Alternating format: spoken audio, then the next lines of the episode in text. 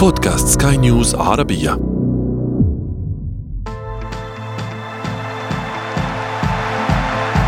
أثير الكرة.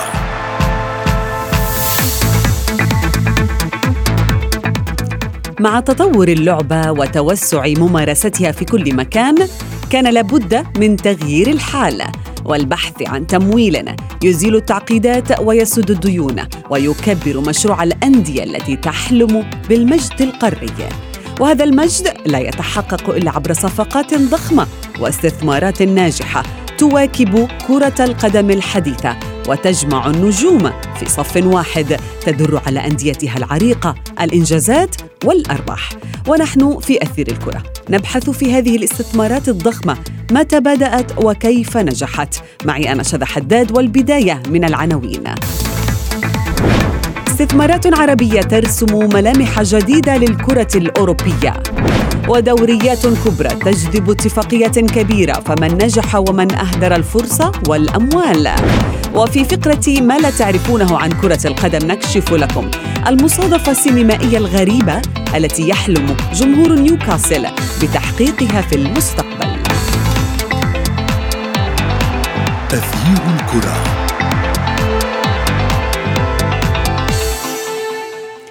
أهلا ومرحبا بكم مستمعينا الكرام أينما كنتم في حلقة جديدة من أثير الكرة وفيها نتحدث اليوم عن مستثمر جديد. انضم إلى مسلسل النجاحات العربية في ملاعب كرة القدم على المستويين الرياضي والاقتصادي منذ أن بدأ الاهتمام في أندية القارة العجوز قبل أكثر من عشرة أعوام. أثير الكرة.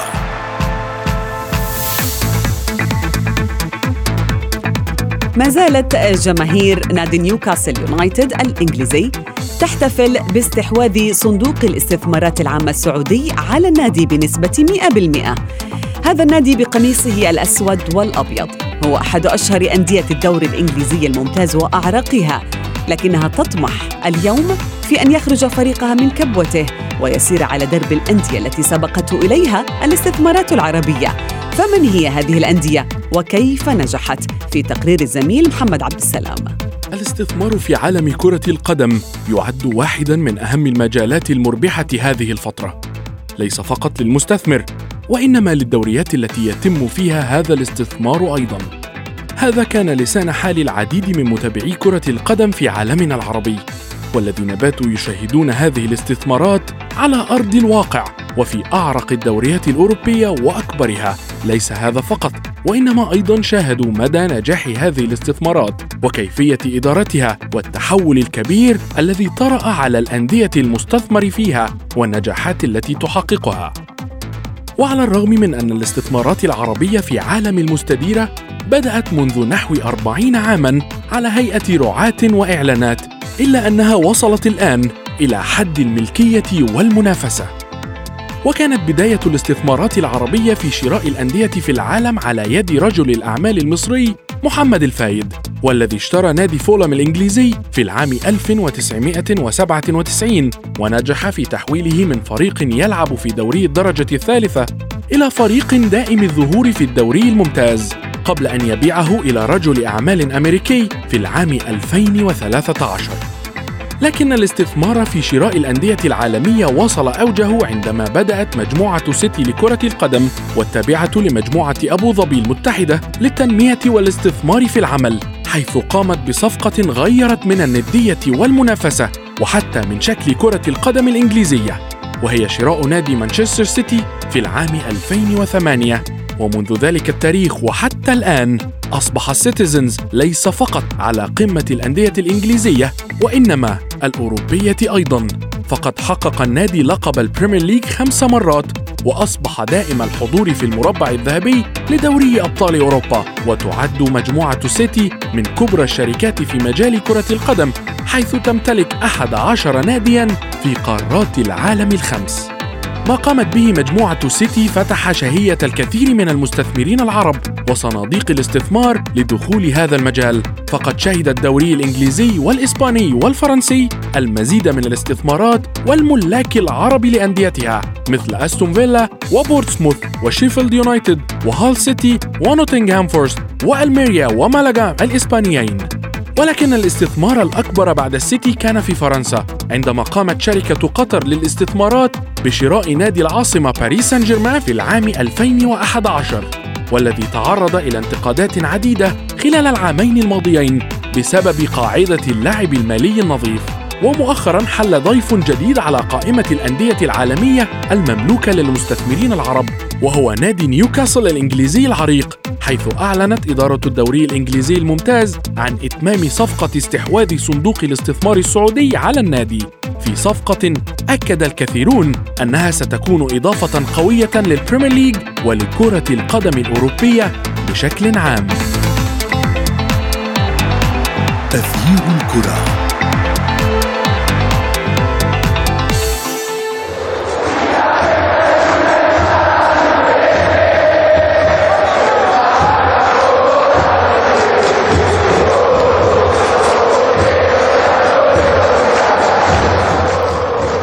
رحبوا معي بضيفي الصحفي الرياضي منصور الجبرتي. أهلا بك منصور. أهلا ومرحبا بك. أهلا بك منصور. وأيضا ينضم إلي الصحفي الرياضي أسامة الشيخ. كابتن أسامة أهلا بك. أهلا وسهلا شاذ أهلا بك. أبدأ معك منصور. يعني كل نادي صغير أو مغمور يعني في كرة القدم يمني النفس بأن يكون بين الكبار وحتى كل كبير فقد هيبته يسعى للعودة. هذا الأمر لا يمكن أن يتحقق هذه الأيام سوى بشراء النجوم بتحسين البنية التحتية للفريق بسداد الديون. وهنا تأتي دور آه، الاستثمارات الخارجية، كيف نجحت هذه الاستثمارات الخارجية والعربية تحديدا في السنوات العشر الأخيرة؟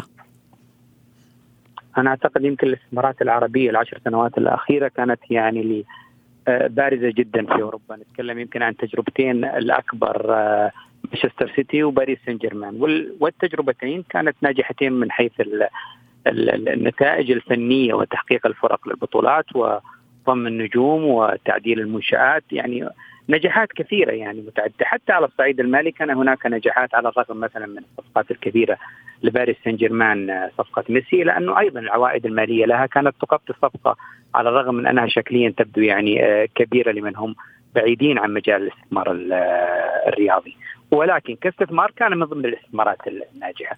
مانشستر سيتي أيضا تجربة مميزة ولافته للنظر آه، آه، حققت نجاحات يعني آه، كبيرة جدا أعادت مانشستر سيتي إلى الواجهة بشكل قوي جدا وبارز لذلك أعتقد إنه هذه الاستثمارات أنا من وجهة نظري أحيت المنافسة في الدوري نعم. الإنجليزي مثلا والدوري الفرنسي أضافت الكثير إلى الدوريات الأوروبية خلقت نوع من ال...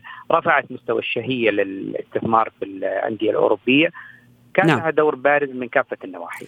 أسامة من الذكاء أو الذكاء الاستثماري إن صح التعبير أن تشتري نادي كرة قدم يعاني ومن ثم تضخ المال به من أجل أرباح رياضية ومالية أيضا، خطوة مميزة للملاك السعوديين في نيوكاسل، كيف ستتحقق؟ هنا طبعا آه، يعني الاستثمار في كرة القدم في شراء الأندية آه، هو أحد أوجه البيزنس اللي نقدر نقول عليه اقتصاد الرياضة أو اقتصاد كرة القدم يعني.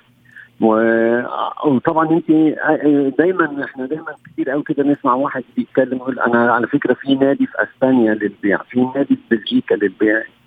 في أكثر من نادي بيكون مطروح. أنت لو فكرتي زي ما أنت قلتي كده دلوقتي في المقدمة لو قبل لو انت جيتي النهارده جبنا خريطة أوروبا وعملنا كده عليها زر زي ما تكوني بتدوري على أوتيل وقلتي الأندية التي الراغبه في للبيع نعم. انت هتلاقي الخريطة كلها يعني نورت بأندية عديدة جدا. إنما اللي بيستثمر بقى هو دي النقطة المهمة. هو بيختار النادي يعني أنا دلوقتي كان ممكن اخد درجة ثانية ممكن اخد درجة ثالثه ممكن كده إنما لما اختار نادي عريق نادي فيه قيمة يعني أنا يعني نيوكاسل لا صفقة أنا بعتبرها صفقة آه، جيدة جدا.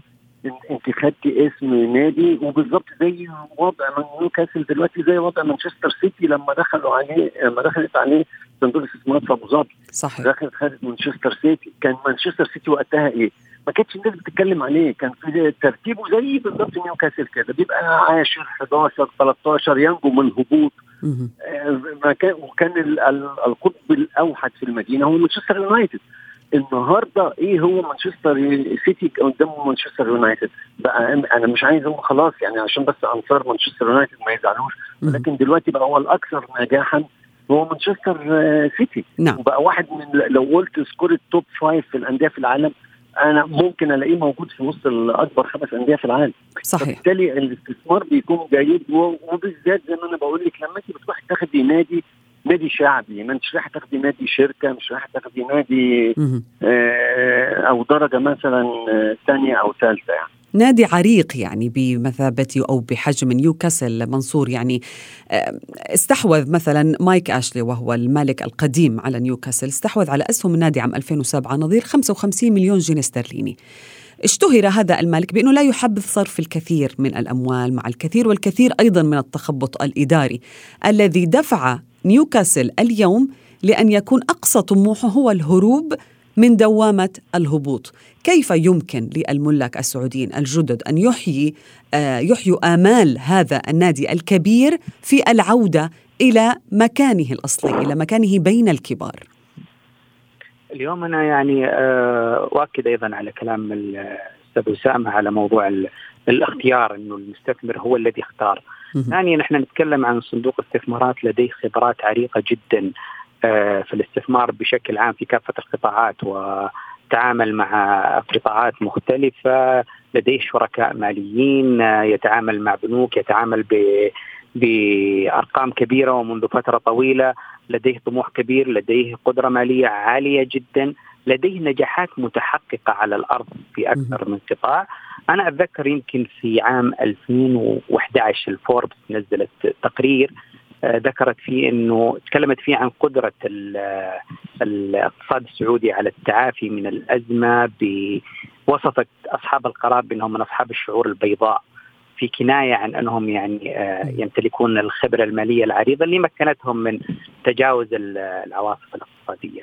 هذه الخبرات العريقة المتراكمة آه، بكل تأكيد اختارت يعني كرة القدم اختارت اختارت كرة القدم واختارت نادي نيوكاسل بمعايير يعني محددة ومعنية. جوابا على سؤالك نعم هناك مبالغ آه، بكل تأكيد سترصد لنقل النادي من مرحلة لمرحلة آه لتحقيق الفوائد الاقتصادية لأنه آه أيضا أعتقد أنه حيكون في تركيز كبير على البنية التحتية للنادي لأنه هذا نوع من أنواع الاستثمار المهم اللي ممكن يعني يشكل عوائد نعم. مالية. إلى الآن ليس هناك إفصاح واضح من الصندوق ولا من النادي عن طموحاته ومستقبله، لكن أنا أعتقد إنه قريبا جدا بيكون هناك يعني آه، آه، خطة عمل واضحة خطة عمل لربما كابتن أسامة تأتي من الإدارة البحث عن الإدارة. يعني لطالما مثلا واجه مانشستر سيتي انتقادات بقيامه بشراء عدد كبير من النجوم ولكن كل الدلائل تشير على أن النادي السماوي فريق مانشستر سيتي ينفق أمواله بذكاء أكبر من أغلب كبار أوروبا. هذا ما يطمح أن يحققه نيوكاسل أن يكون الإنفاق بذكاء وأن يجلب النجوم الحقيقيين الذين يعني قادرين على أن يكون نيوكاسل هو بيتهم الأساسي. يعني أحييك بالفعل على النقطة دي لأن آه، أنا استحوذت على النادي. سو وات تبقى المفروض إن أنا دلوقتي هصرف. أنا يعني أنا مش هعمل زي الملك القديم إن أشلي علشان أدخل أشتري نادي وأوفر. اللي داخل يعمل كده ما يدخلش النادي أساسا. لأن هو مش داخل علشان يبيعه آه، خردة يعني أو يبيعوا أساس مستعمل. لا هو داخل علشان يطور النادي ويضخ فلوس علشان تجيب فلوس. أنا فعلا مانشستر سيتي نموذج آه، يمكن أنا كنت في الأول عندي شوية تحفظات في بداية الصرف. أنا فاكر كان الصرف 250 مليون استرليني و وبقينا نتكلم من منطلق يعني اللي يعوزه البيت يحرم مع الجامع. يعني إذا كان إذا كان البيت الرياضي العربي كذا كذا كذا ف...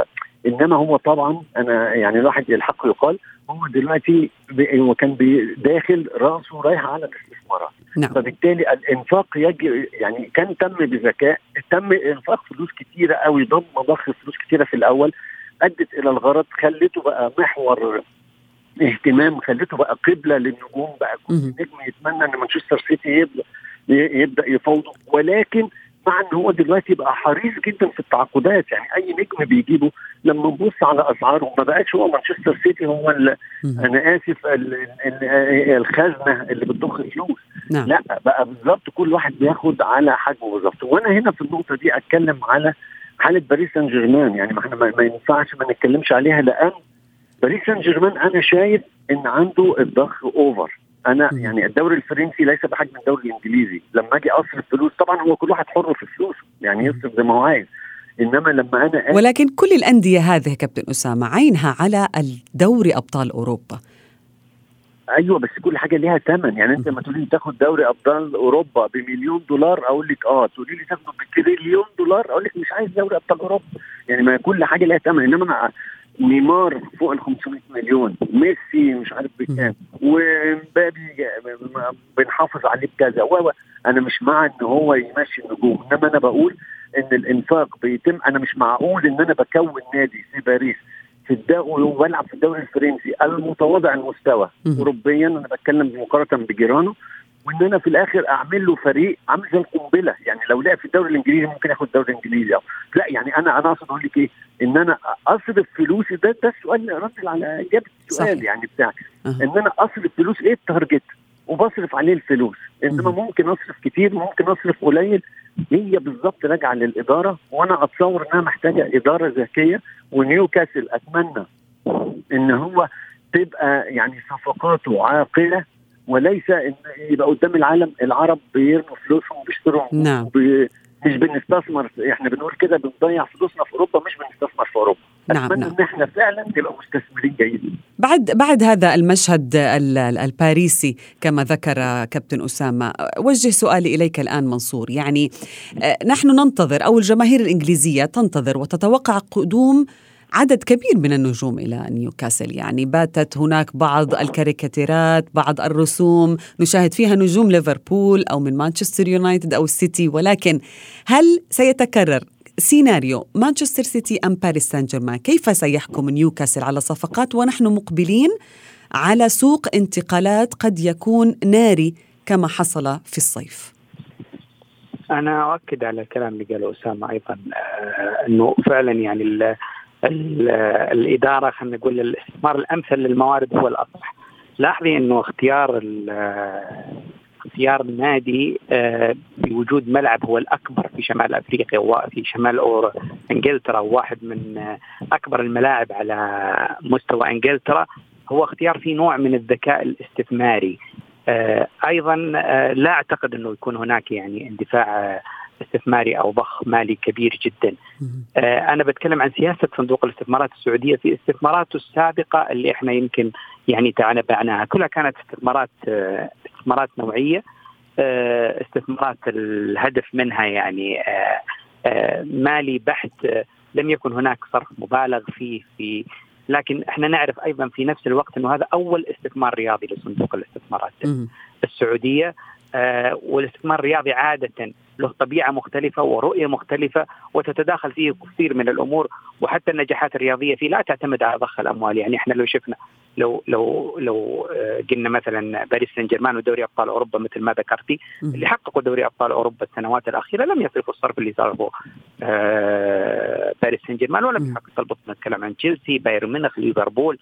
ريال مدريد مثلا لا أعتقد إنهم آه، صرفوا نفس ال amount اللي صرفوا باريس سان جيرمان حتى المبلغ اللي صرفه باريس سان جيرمان لا يضمن له دوري أبطال أوروبا بأي شكل من الأشكال. نعم. إحنا حتى ريال مدريد نفسه أيضا في مرحلة من المراحل ضخ هذا الضخ وجمع النجوم وكانت واحدة من أسوأ مواسم من أسوأ مواسم كل النجوم. نعم. يعني النجوم وشراء النجوم لا يعني النجاح في شراء الإنجازات بالتأكيد. كابتن أسامة. نجاح فني. تفضل. تفضل كابتن منصور. النجاح ليس نجاح فني وإنما نجاح استثماري ولذلك تم اختيار نيوكاسل آه والذي يمتلك زي ما قلت ملعب يعني نعم. واحد من أميز الملاعب على المستوى الاوروبي. أسامة يعني هناك مجموعة من الأندية لربما قد تتضرر كثيرا من الضخ المالي الذي سيشهد نيوكاسل لأن هذا الفريق عينه الآن على مراكز التأهل لل Champions League، هل هناك من أندية تعتقد أو من بين الأندية الإنجليزية التي تحتاج أيضا لمثل هذه الاستثمارات أو لمثل هذه ال ال ال هذه الأمور التي تحدث مثلا للأندية العريقة أو الأندية الصغيرة التي تطمح للعودة إلى مكانها الطبيعي؟ أنا أعتقد إن كل نادي يعني أنا بك...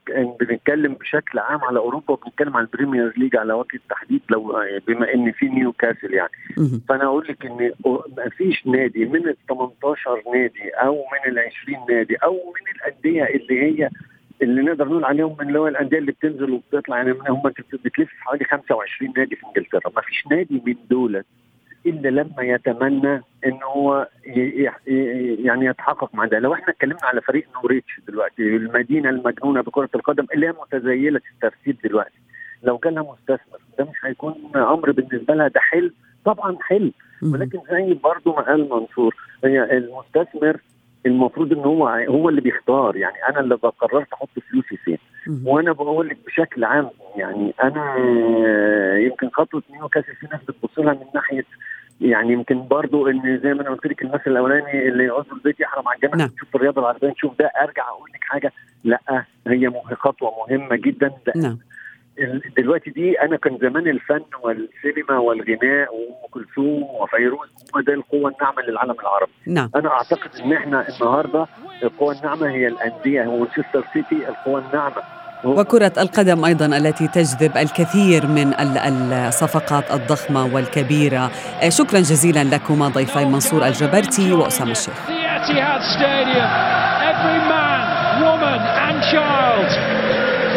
Inching towards their first Premier League title, their first title since 1968. أثير الكرة يأمل مشجعو نيوكاسل اليوم في إبرام صفقات قوية تعيد بريق الفريق مرة أخرى كما حدث في فيلم سينمائي قديم وفي فقرة ما لا تعرفونه عن كرة القدم نكشف لكم ما هي هذه النبوءة السينمائية وما علاقتها بالفريق الحالي. الفيلم بعنوان جول. تدور قصته حول لاعب مكسيكي يدعى سانتياغو مونيوز الذي انضم إلى نيوكاسل بتوصية من أحد وكلاء اللاعبين في الولايات المتحدة الأمريكية. وفي الفيلم نجح مونيوز في التألق مع نيوكاسل رغم البداية الصعبة ومعاناته من الربو. كما أنه نجح في نهاية الفيلم بتسجيل هدف في شباك ليفربول ليمنح ال Magpies مكانا في دوري أبطال أوروبا بعد سنوات من الغياب. ورغم أن هذا الفيلم جرت أحداثه قبل 15 عاماً إلا أن هناك لاعب موجود بالفعل اليوم في نيوكاسل ويدعى سانتياغو مونيوز وهو أمريكي من أصل مكسيكي كان يلعب في سانتوس لاغونا المكسيكي قبل أن يتعاقد معه نيوكاسل في الصيف. وهو ينتظر اليوم المشاركة مع كبار النادي في الوقت الذي يترقب فيه عشاق نيوكاسل أن يتكرر ما حدث في فيلم جول على أرض الواقع وأن يصبح فريقهم أحد المشاركين في دوري أبطال أوروبا بمساعدة سانتياغو اللاعب والسيولة المالية التي حصل عليها الفريق. وصلنا إلى صافرة النهاية من حلقة اليوم من أثير الكرة ولكن موعدنا يتجدد بكم في حلقة جديدة. هذه تحياتي أنا شذى حداد إلى اللقاء. تغيير الكره